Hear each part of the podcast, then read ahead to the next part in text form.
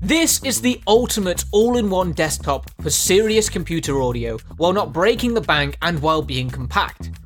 It handles just about any signal sent by wire or wireless, and by almost all standards, and decodes and amplifies them before they are sent to one of three different headphone outputs.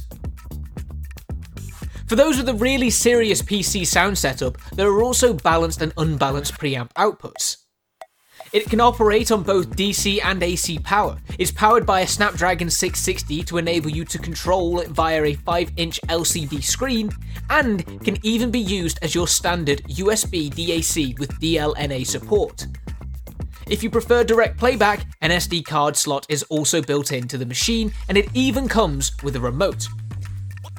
Inside lurks a Sabre 9068 ASDAC that does DSD decoding plus a THX AAA 788 Plus headphone amplifier modules, providing up to 3.6 watts of power to drive even the most hardcore of headphones.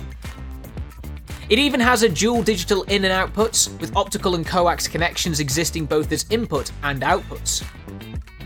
It is also certified for the high end Roon streaming software platform and supports Tidal, Spotify, MQA, as well as good old Bluetooth compatibility with LDAC, LHDC, aptX HD, and Apple AirPlay.